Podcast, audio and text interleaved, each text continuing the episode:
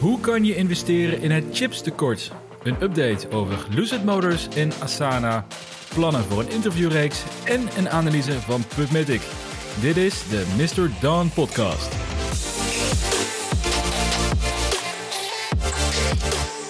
Het is een heerlijke zomerse zondag vandaag. Een perfecte dag om lekker aan het strand te liggen. En ik hoop zeker dat jij ervan hebt genoten. Maar voor mij betekent de zondag het opnemen van een nieuwe podcast-aflevering. En ondanks dat geluiden van meeuwen en de zee absoluut een rustgevende klank zouden zijn voor deze podcast, denk ik niet dat het gaat helpen voor het luistergenot. Dus zitten we lekker in de Mr. Dawn Headquarters, waar ik een leuke aflevering voor je in elkaar heb gezet. Want wat gaan we allemaal bespreken in deze volle aflevering? We starten zometeen met een ingestuurde vraag via Twitter door luisteraar Bart. Hij is benieuwd hoe je nu kan investeren in bedrijven die gaan profiteren van het wereldwijde chipstekort. Dat is een vraag die ik ook al eerder gesteld heb gekregen door luisteraars Diane en Frank. Dus een mooi onderwerp om hier stil bij te staan in deze aflevering. Daarna gaan we het hebben over Lucid Motors, die woensdagochtend opeens opende met min 20%. Wat is daar gebeurd en hoe kan jij hier als belegger van profiteren? En dat volgen we op met een korte update over het aandeel Asana, waar ik vorige week een analyse over heb gedeeld. Maar zij zijn gekomen met de Q2-cijfers. Het is interessant om daar als follow-up nog even stil bij te staan.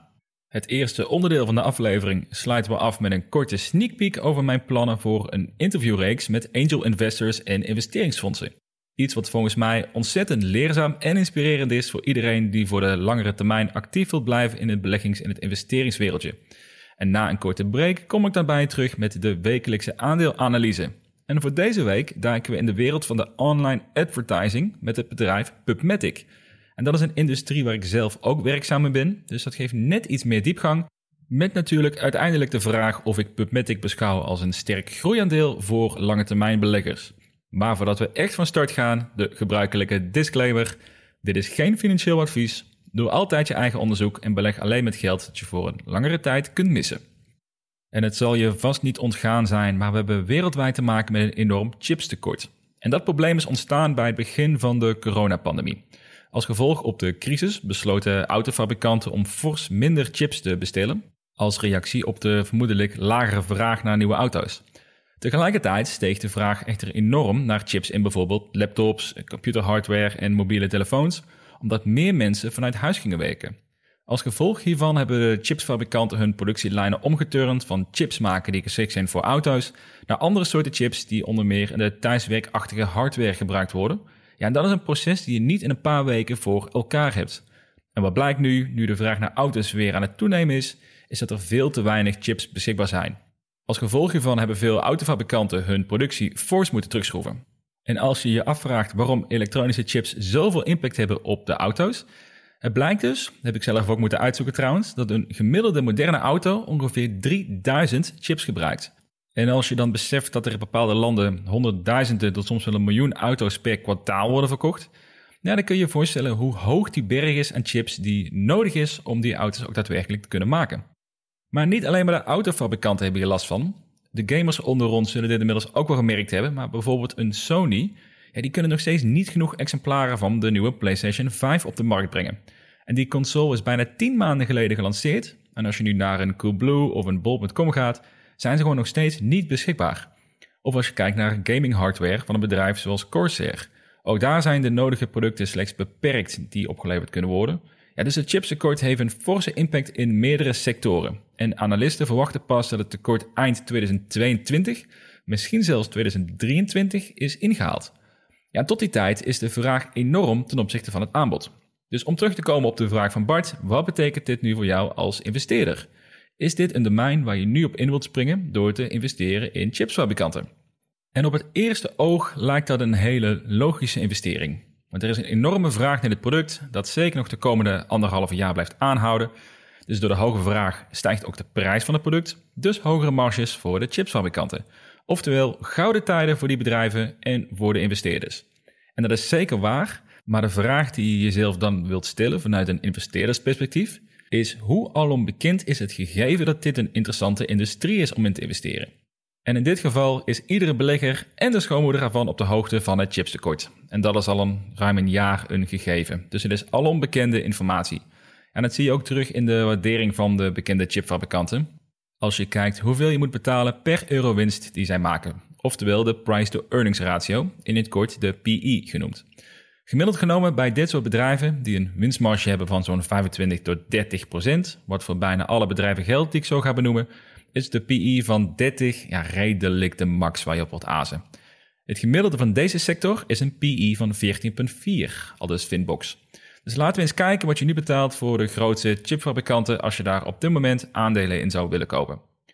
Om te beginnen bij onze Nederlandse trots, ASML. Zij zijn een van de beste bedrijven in dit domein. Onder meer omdat zij een monopolie hebben op een technologie die chips kan printen op silicone wafers. En dat geeft ASML zo'n competitief voordeel dat je hen eigenlijk niet wilt missen. Alleen voor ASML betaal je momenteel een PE van 132. Een geweldig bedrijf, maar zeker geen geweldige prijs als je nu aandelen wilt kopen. Daarnaast hebben we Nvidia. Ook een geweldig bedrijf die naast chips fabriceren veel meer te bieden heeft op gebied van bijvoorbeeld AI, machine learning en ook een prominente rol lijkt te gaan spelen in de opkomst van de metaverse. Daarvoor betaal je momenteel een PE van 60. Dan kijken we naar TSM, Taiwan Semiconductor Manufacturing, die met 38% een hogere winstmarge hebben dan de andere chipfabrikanten op deze lijst, maar hierbij ook een aanzienlijke PE van 60. Dus zoals je hoort, er zit echt al een behoorlijke waardering aan deze drie bedrijven die ik net genoemd heb. Het is al een tijdje bekend dat er een chipstekort is en dit zijn drie bedrijven die daar flink van gaan profiteren. Ja, en dat zie je dan ook heel snel terug in de waardering van deze bedrijven. Toch zijn er ook twee spelers in de markt die wel aantrekkelijk zijn geprijsd in mijn ogen, als je in ieder geval vergelijkt met de zojuist genoemde bedrijven. Intel is een kolossus op dit gebied, een bedrijf met een groot verleden en een enorme cashflow, maar tegelijkertijd lijkt daar wel de groei uit te zijn. En dit bedrijf is behoorlijk afgestraft op de beurs en is eigenlijk voor een schijntje te koop, namelijk een PE van bijna 12. En dat is lager dan de sectorgemiddelde.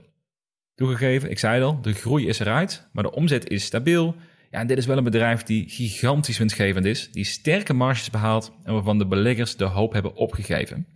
Dus als je wilt investeren in een comeback verhaal die ook profiteert van het chipstekort, ja, dan kan Intel een goede keuze voor je zijn.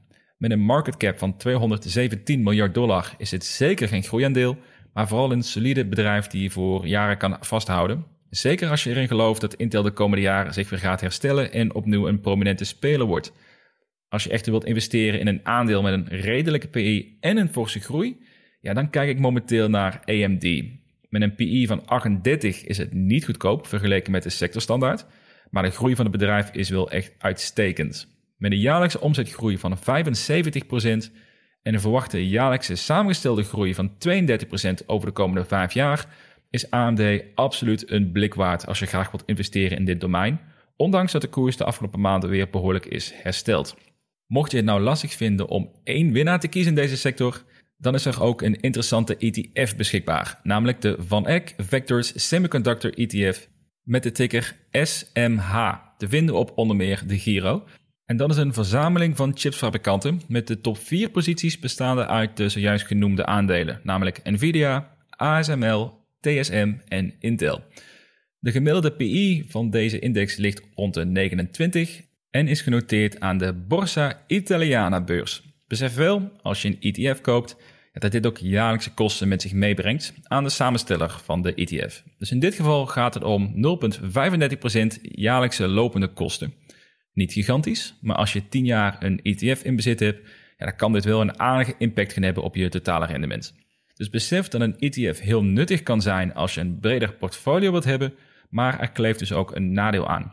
Maar als je niet wilt kiezen voor individuele aandelen en je wilt graag een positie in chipsfabrikanten, ja, dan is deze ETF een prima optie. Tot zover hoe je kan investeren in chipsfabrikanten. Er zijn nog een paar onderwerpen waar ik het graag over wil hebben in deze aflevering. Om te beginnen met Lucid Motors. Daarvan ging de koers afgelopen woensdagochtend opeens min 20%. Ja, dat is een interessante gebeurtenis om even bij stil te staan. Want waarom ging die koers zo hard naar beneden? De reden is helder. Lucid Motors is via een spec merger naar de beurs gekomen. En onderdeel van die deal is dat fondsen in een zogeheten PIPE deal mee konden investeren. En PIPE staat voor een Private Investment in Public Equity Deal. En hiermee wordt de totale deal voor in dit geval Lucid Motors nog wat sappiger en krijgen investeerders in de pipe de gelegenheid om relatief goedkoop in te kopen. En degenen die investeren in de pipe deal, die kunnen de aandelen voor een bepaalde periode niet verkopen. Dus meestal is dat zes maanden tot één jaar. En in het geval van Lucid Motors kwam die periode afgelopen woensdag ten einde. Dus dat betekent dat de kans bestaat dat op die dag een enorme verkoopdruk ontstaat van pipe-investeerders die hun winst willen veiligstellen. Zij hebben zich namelijk ingekocht voor een koers van 15 dollar. De koers aan het einde van de beursdag op dinsdag was circa 20 dollar, dus een rendement van 33% En dat is niet misselijk. Dus de verwachting was dat er inderdaad woensdag bij opening van de beurs een forse verkoopdruk zou ontstaan. En als een soort self-fulfilling prophecy namen beleggers alvast een voorschot op dat gebeuren, waardoor de koers in de voorbeurs daalde met min 20% tot circa 16 dollar. Ja, en dat zijn de momenten waar jij als belegger heel scherp op wilt zijn. De koersdaling kwam namelijk niet door een fundamentele verandering bij het bedrijf, maar puur door angstig sentiment bij beleggers. En daar wil je van profiteren. Dus zelfs zat ik samen met een collega die middag met een arendsoog de koers in de gaten te houden om te zien of ik mijn positie in Lucid Modus weer kon gaan heropenen, nadat ik het enkele weken geleden heb verkocht bij een koers van 24 dollar. Mijn collega heeft de trek erover gehaald, ik uiteindelijk niet en twee dagen later was de koers alweer praktisch helemaal hersteld. Ik weet zeker dat er luisteraars zijn van deze podcast die erg bullish zijn over Lucid Modus en hopelijk hebben zij kunnen profiteren van deze tijdelijke dip. Dus houd dit soort momenten in de gaten. Dan hebben we het gehad over het chipstekort, we hebben het gehad over Lucid Motors. Dan wil ik ook nog even kort een terugblik werpen op Asana. Dit aandeel heb ik in de vorige aflevering geanalyseerd. En het was qua timing misschien een tikkeltje onhandig, want afgelopen woensdag presenteerden zij hun Q2-earnings. En in de aandeelanalyse gaf ik al aan dat ik verwachtte dat zij hun omzetguidance voor 2021 zouden gaan verhogen. Het was simpelweg te terughoudend gezien de resultaten die zij al hadden geboekt. En dat bleek inderdaad het geval. Asana heeft hun guidance fors verhoogd van 340 miljoen dollar naar bijna 370 miljoen dollar. Ja, daar waren beleggers behoorlijk tevreden over. Met als gevolg dat de koers in enkele dagen 20% is gestegen. Dus als je enthousiast bent geworden na mijn analyse over Asana en mijn conclusie om niet te kopen netjes naast je neer hebt gelegd, nou, dan heb je in ieder geval van nu gelijk gekregen. Maar het is vooral leuk om te zien dat als je een analyse doet van een bedrijf in een domein die je goed begrijpt, dat je soms door middel van logisch nadenken zo'n voorspelling kunt maken. En daar liggen kansen ook, denk ik, voor investeerders die net een stapje extra willen zetten en die daadwerkelijk een analyse willen uitvoeren, in plaats van op basis van andermans mening een aandeel kopen. Afsluitend voor het eerste deel van deze aflevering vind ik het leuk om met jou te delen dat we op de achtergrond bezig zijn met nieuwe afleveringen, waarbij ik in gesprek ga met angel investors en investeringsfondsen over het investeren in startups. Met als uitgangspunt, hoe kunnen jij en ik ook investeren in startups als een angel investor? Waar moeten we op letten en wat zijn de absolute do's en don'ts? De reden waarom ik graag zo'n interviewreeks maak is omdat het tegenwoordig steeds makkelijker wordt om als particulier te investeren in startups via equity crowdfunding platforms, zoals bijvoorbeeld Seeders.com, waarmee je al voor een paar tientjes kan investeren in toffe aanstaande startups. En ik heb zelf gemerkt dat het enorm waardevol kan zijn om die ervaring op te doen, omdat je daarvan lessen leert die je ook kan toepassen bij beleggen op de beurs. Maar onderaan de streep is het vooral een geweldige aspiratie om ooit zelf de stap te kunnen maken van beleggen in beursgenoteerde bedrijven ja, tot zelf een angel investor worden die investeert in startups en hen helpt groeien om uiteindelijk misschien wel zelf die beursgang te maken. En deze afleveringen worden naast deze reguliere afleveringen geplaatst, dus het gaat niet ten koste van en zullen denk ik één keer per twee weken of eens per maand geplaatst gaan worden. De gesprekken met interessante gasten zijn hierover gaande, dus hopelijk spoedig een eerste update. Maar het is leuk om het alvast met jullie te delen. Goed, we hebben een hoop besproken. Je weet nu hoe je kan investeren in het chipstekort, dat je kan profiteren van situaties zoals bij Lucid Motors, hoe je een richting kan voorspellen door een bedrijf goed te begrijpen, zoals bij Asana, en heb ik je vast een korte teaser gegeven over een nieuwe interviewreeks. We gaan er even tussenuit voor een korte break en daarna kom ik bij je terug met de aandeelanalyse van online advertisingbedrijf PubMatic. En dat wil je niet missen, dus tot zo na de break.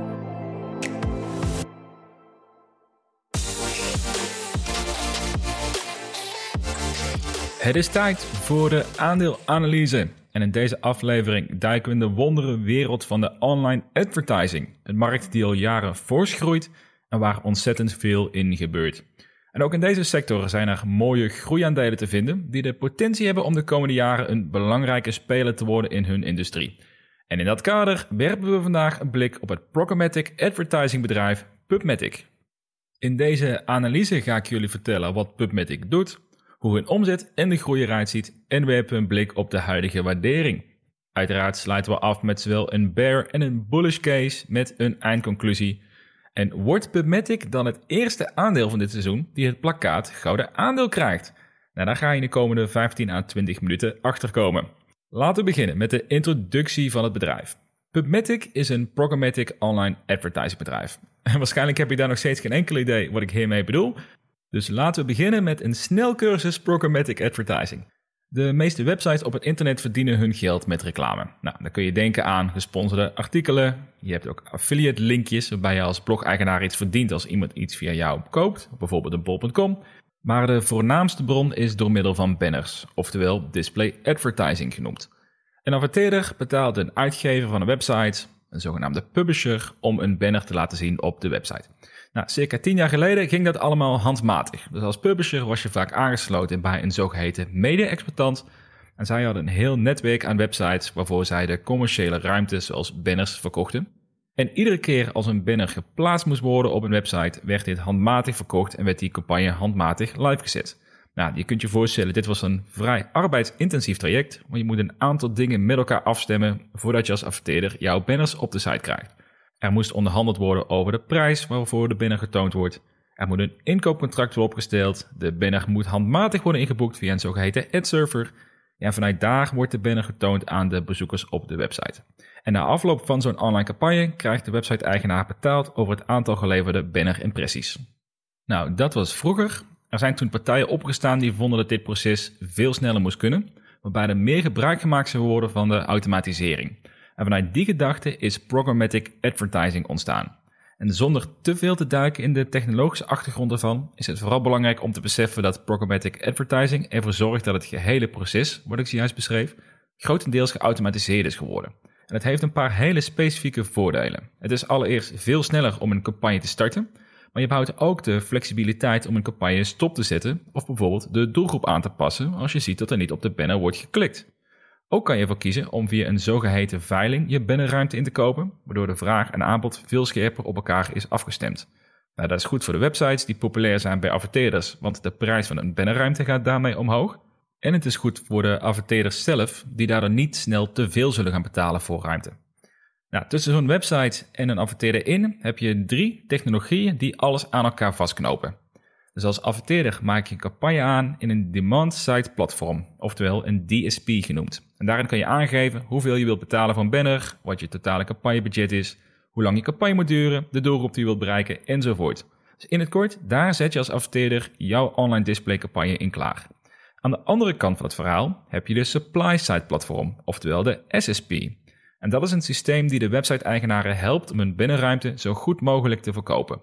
En daarin kan je als website-eigenaar aangeven hoeveel je minimaal wil krijgen voor een bepaalde bannerpositie, welke advertentieruimtes je wilt aanbieden en aan welke regels de adverteerders gebonden zijn.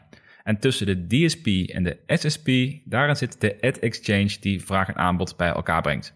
Je kunt het eigenlijk vergelijken met één grote digitale marktkraam, waarbij de adverteerder voor de laagste prijs wil inkopen en de website-eigenaar voor de hoogste prijs wilt verkopen. Nou, dat is even een snelcursus uh, Programmatic Advertising, want in dit hele verhaal speelt Pubmatic een belangrijke rol. Zij zijn een zogeheten SSP, dus zij staan aan de kant van de website-eigenaren met als doel om hun binnenruimte zo goed mogelijk te verkopen. En zij hebben een eigen cloud-based infrastructuur gebouwd die ervoor zorgt dat adverteerders ook daadwerkelijk kunnen inkopen op die website. Het verdienmodel is dat zij een deel van de omzet krijgen van de mediacampagnes die via hun platform tot stand komt. Dus een x procent van iedere banner die wordt verkocht. Naast het aanbieden van online display zijn ze ook actief in mobile advertising, programmatic video en een nieuwe opkomende markt genaamd Connected TV. En de verwachting is dat de totale programmatic markt tot 2025 met een jaarlijkse samengestelde groei van 11% blijft stijgen. En je mag daarmee stellen dat PubMatic de wind in de zeilen heeft staan en dat het actief is in een markt waarbij de komende jaren nog veel meer geld in om zal gaan. Mede door de continue digitalisering van de advertentiemarkt. Dus nu weet je wat PubMatic in de kern doet qua activiteiten. Maar laten we nog even een stapje terugzetten. PubMatic is opgericht in 2006 door vier oprichters, waarvan drie founders nog steeds actief zijn bij het bedrijf. De CEO is Rajiv Goel En inmiddels werken er een kleine 600 mensen bij het bedrijf met kantoren in onder meer de Verenigde Staten, Engeland, Japan, Singapore en Nederland. En net zoals bij de analyses van CM.com en Asana hebben we ook hier weer een bedrijf waarbij de oorspronkelijke oprichters dus nog steeds een belangrijke rol hebben in het bedrijf zelf. En ook hier zien we weer uitstekende waarderingen van werknemers en voormalig werknemers via de site glassdoor.com. De directeur Rajiv Goel wordt door 91% van de reviewers positief gewaardeerd, waarbij 83% PubMatic zou aanbevelen bij een kennis. En het is een continu terugkomend principe. In de meeste gevallen, founder-led bedrijven doen het gewoon goed bij het personeel. Uitzonderingen daar gelaten natuurlijk. En je mag ook wel stellen dat het bedrijf een echte Amerikaanse vibe heeft. Hard werken, er wordt veel van je gevraagd, maar daar word je dan ook voor beloond. Ja, dan spreekt wel een type ambitieuze professional aan. En als er één industrie is in de media- en advertising sector waar een enorme vraag is naar goede werknemers, ja, dan is het de programmatic advertising domein. De war on talent is hier absoluut gaande. Dus als werkgever zal je van goede huizen moeten komen om de beste professionals vast te leggen. Ja, dat mag je stiekem ook al een beetje zien als een bedreiging voor PubMatic, die qua personeel concurreren met de allergrootste techpartijen ter wereld en met grote merken die zelf graag een in-house team aan programmatic specialisten willen bouwen. Afijn, zij zijn recent beursgenoteerd aan de Amerikaanse Nasdaq sinds begin december van 2020. Dus nog een jaartje geleden. En we mogen wel stellen dat het vooralsnog een behoorlijk volatiel aandeel is gebleken. De oorspronkelijke prijs per aandeel bij de IPO was 20 dollar. In februari 2021, het hoogtepunt van de groeiaandelen, stond de koers nog op 70 dollar. Maar nu, een half jaar later, is het 60% gedaald vanaf het hoogtepunt naar een koers van 28 dollar 75 cent. En dat komt mede doordat er enige angst bij beleggers is over het beleid van Google rondom cookies. Cookies zijn cruciaal voor online advertising, omdat het ervoor zorgt dat je je banners aan de juiste mensen kan tonen voor een maximaal aantal keren, zodat je niet kapot gegooid wordt met dezelfde banner, en ook kan meten wat de prestaties zijn geweest van die betreffende banners.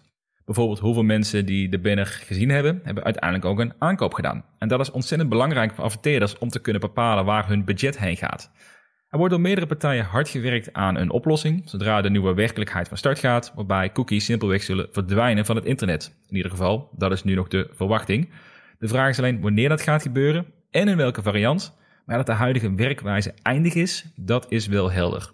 Desalniettemin is dat geen reden om te twijfelen aan het bestaansrecht van partijen zoals een PubMatic.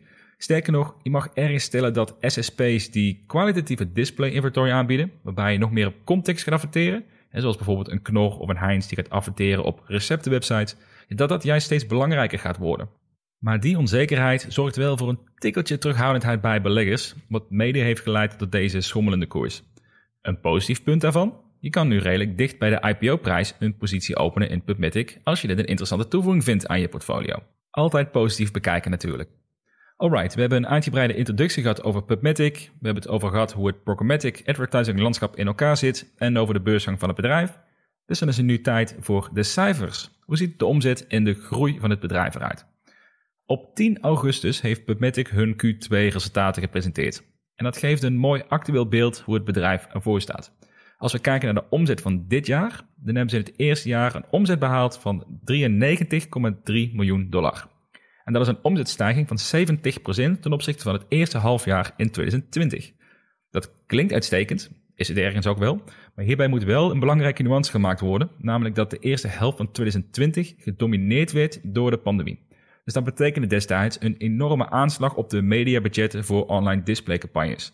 Terwijl we nu in een fase zitten dat er figuurlijk gesproken gegooid wordt met geld door adverteerders. Dus in dat kader is het veel interessanter om te kijken of PubMatic hun eigen groeiverwachting voor dit jaar gaat waarmaken. Tijdens hun afsluitende earnings call over het gehele jaar 2020, die gehouden is in februari dit jaar, gaf PubMatic aan dat zij een omzet verwachten van 185 miljoen dollar in 2021. We zijn nu een half jaar verder en inmiddels is de guidance voor dit jaar verhoogd naar 209 miljoen dollar. Dus dat zou een year-over-year omzetstijging betekenen van 40%. Het is een mooie constatering dat de omzet gedurende het jaar verder omhoog is bijgesteld, want dat betekent dat Pubmatic hun eigen verwachtingen aan het overtreffen is. Er is wel een teken van terughoudendheid als je gaat kijken naar de omzetgroei voor 2022. Daarbij verwachten zij namelijk een groei te realiseren van 25% year over year. En dat is nog steeds prima, maar bij deze waardering zou ik graag een iets grotere groei zien over de komende jaren. En uiteraard kom ik zo meteen nog terug op de huidige waardering van het aandeel. Maar onderaan de streep gaat het ook erom hoe winstgevend is het bedrijf. Want omzetstijging is fijn, maar als dat gepaard gaat met een lagere winst, ja, dan word je er alsnog niet blij van. En juist op dit gebied heeft Pubmatic een mooie verrassing in petto. De EBITDA-marge is gestegen van 19% in Q2 van het vorige jaar naar 37% in de Q2 dit jaar. Maar omdat ik EBITDA een redelijke bullshit metric vind, heb ik ook nog even de netto winstmarge uitgerekend. En die is gestegen van 2,6% in Q2 2020 naar bijna 20% in het afgelopen kwartaal. En in Q1 was die winstmarge 15,6%. Dus dat is een geweldige stijging in de winstgevendheid van het bedrijf. En sowieso is dat een ontzettend gezonde marge voor ieder bedrijf om te hebben. En hiermee staat het qua winstmarge op vergelijkbare voet met bijvoorbeeld een Google. En hiermee hebben we al twee interessante facetten van dit bedrijf te pakken. De omzet stijgt fors met een mooie groei in 2021 en een redelijk verwachte groei in 2022. En ook de winstgevendheid van het bedrijf biedt een goede reden om enthousiast te worden over PubMatic vanuit een investeerdersoogpunt. En om dit onderdeel volledig af te sluiten, kijk ook even naar de financiële gezondheid van het bedrijf. Dus we hebben een blik op de cash en de schuldenpositie. En ook hier niets anders dan sterke cijfers. PubMatic beschikt over een potje van 122 miljoen dollar aan cash en cash vergelijkbare. En daartegenover staat een totale schuld van maar liefst 2,5 miljoen dollar. Oftewel, dit bedrijf is kerngezond, heeft een sterke cashpositie om verdere groei van het bedrijf te stimuleren en is sterk winstgevend met een marge van 20%, waardoor die cashpositie enkel verder blijft stijgen. En aangezien er nog nooit een bedrijf zonder schulden failliet is gegaan, mag je stellen dat PubMatic een uiterst solide investering is, waar je weinig zorgen hoeft te maken over permanent kapitaalverlies. Tot dusver heb je een beeld gekregen van PubMatic en een businessmodel en hoe een financiële cijfers en groeiverwachting eruit ziet. Dan is het nu tijd om het bedrijf te gaan zien als een aandeel met een blik op de huidige waardering. PubMatic is bij de huidige koers van 28 dollar en 75 cent gewaardeerd voor 1,4 miljard dollar. En met de verwachte omzet dit jaar van 209 miljoen dollar komt het neer op een price to sales van 6,7 maal de verwachte omzet. Dat is niet goedkoop, maar dat is natuurlijk inmiddels standaard geworden in deze bull market. Maar als je het vergelijkt met bijvoorbeeld een andere programmatic partij zoals de Trade Desk, dan betaal je 3,6 keer de huidige jaarlijkse omzet. En daarmee vergeleken is PubMatic wel aanzienlijk duurder. Maar omdat we eindelijk een winstgevend groeiaandeel te pakken hebben, dat eh, zien we niet vaak, kan ik ook de PE-ratio berekenen. En dan zien we dat PubMatic momenteel een PE-ratio heeft van 56. Opnieuw, zeker niet goedkoop, maar als je die metric beschouwt, is het wel fors goedkoper dan de Trade Desk, die een PE-ratio van 138 heeft. En met de hogere groei die PubMatic maakt, gekoppeld aan de sterke winstgevendheid en solide financiële positie, zou ik het voordeel geven aan PubMatic in deze tweestrijd. Maar wat zou dan een goed instapmoment zijn om een positie te openen? Daarvoor gaan we kijken naar de intrinsieke waarde voor het berekenen van de fair value. En zoals ik vaak aangeef, dit is niet meer of minder dan een houvast om te bepalen wat een goed koopmoment is. En zeker niet de absolute waarheid. Dus stel je hier niet blind op, maar desondanks geeft het wel een interessant inzicht om in je gedachten te houden. Op basis van het discounted cashflow model ligt de waarde van dit aandeel rond de 32 tot 34 dollar. De margin of safety hoeft voor mij betreft niet hoog te zijn, omdat je hier te maken hebt met een uiterst winstgevend bedrijf en een uitstekende financiële positie. Dus een margin of safety van 10 tot 20 procent is daarin gewoon heel schappelijk. En dat betekent dat ik op een kooptarget kom van 26 tot 30 dollar. De koers staat momenteel op 28 dollar 75 cent. Wat betekent dat dit het eerste aandeel is van dit seizoen waarbij we naar mijn inschatting nu op een prima koopmoment zitten. Nogmaals, dit is niet het goedkoopste aandeel, maar het bedrijf heeft zoveel positieve aspecten dat ik de kans groot acht dat je hier een meer dan prima investering mee doet. En met de huidige waardering van 1,4 miljard dollar, met de snel groeiende digitale advertentiemarkt achter zich, ja, vind ik het waarschijnlijk dat de waarde de komende jaren aardig kan gaan oplopen. En daarmee komen we weer langzaamaan bij de eindconclusie. En zoals gebruikelijk begin ik met de bear case. Wat zijn mijn redenen om op dit moment niet te investeren in het bedrijf? Want er zijn veel aspecten waar ik als potentiële investeerder blij van word, maar er zijn ook wel een paar twijfels. Mijn belangrijkste voorbehoud is dat deze industrie bijzonder afhankelijk is van de grote techpartijen, in bijzonder Google en Apple. En zij hebben een duopolie op de internetbrowsers. Dus als zij besluiten dat de cookies verdwijnen en er komt geen goed alternatief meer voor, ja, kan dit wel een enorme impact gaan hebben op partijen zoals een PubMatic. En deze afhankelijkheid is niet prettig, want je mag hiermee stellen dat het toekomstig succes van deze investering deels afhankelijk is van de strategie van de zojuist genoemde techgiganten. nu zal PubMatic en partijen zoals een Trade Desk vast met alternatieven willen komen. En onderaan de streep zullen website-eigenaren ook een manier gaan vinden om geld te verdienen. Maar goed, het kan absoluut ten koste gaan van tijdelijke omzet en de verdere groei. En ik investeer liever bij bedrijven die 100% zelf hun toekomst bepalen. Een tweede punt van lichte twijfel is de guidance voor 2022, namelijk de verwachte groei van 25%. Dat is niet verkeerd en ook wel begrijpelijk na de forse groei die zij dit jaar verwachten te maken. Maar ergens hoop je toch dat de groei tussen de 35 en de 50% ligt voor de fase waarin PubMatic nu zit. Een omzet van 209 miljoen dollar is netjes, maar vergeleken met de Trade Desk, die ruim 1 miljard dollar uit de markt halen, ja, ligt er wel ruimte voor een stevige groei in mijn ogen. En dat zijn twee punten die bij mij twijfels opleveren, maar daartegenover zijn ook een paar uitstekende pluspunten van het bedrijf. Dus laten we ook meteen een blik werpen op mijn bullish case. We hebben hier te maken met een sterk winstgevend bedrijf die financieel kerngezond is en ook een nette omzetgroei heeft doorgemaakt. Dat zijn drie aspecten die PubMatic eigenlijk per definitie een solide investering maken. Wetende dat je dit als een groeiaandeel mag beschouwen, maakt dit als beleggingspropositie nog aantrekkelijker. Want de waardering is in mijn ogen nog steeds relatief laag en het aandeel is momenteel zelfs iets ondergewaardeerd in mijn ogen. Oftewel, er is genoeg ruimte in de komende jaren voor dit aandeel om fors in waarde te gaan vermeerderen. En aangezien de prestaties van PubMatic dit jaar, lijkt het mij waarschijnlijk dat dit ook gaat gebeuren. Daarnaast is PubMatic actief in een sterk groeidomein. Online advertising groeit als kool en praktisch alle vormen van advertising verschuiven naar een vorm van digitaal. Ook de komende jaren zal deze groei zich blijven doorzetten. Onder meer doordat programmatic advertising ook een rol gaat spelen bij Connected TV, waarbij adverteerders een specifieke doelgroep kan bereiken die on-demand kijken op hun tv. En dat is een duidelijk zichtbare trend bij de millennials doelgroep, die steeds koopkrachtiger worden en daarmee interessanter worden voor adverteerders. Dus overal, mijn aanconclusie, PubMatic heeft de wind in de zeilen staan en zij varen een goede koers. Er liggen een paar obstakels op de weg, vooral zodra het cookieloze tijdperk van start gaat, maar ik zie vooralsnog geen redenen om te twijfelen aan hun lange termijn perspectief.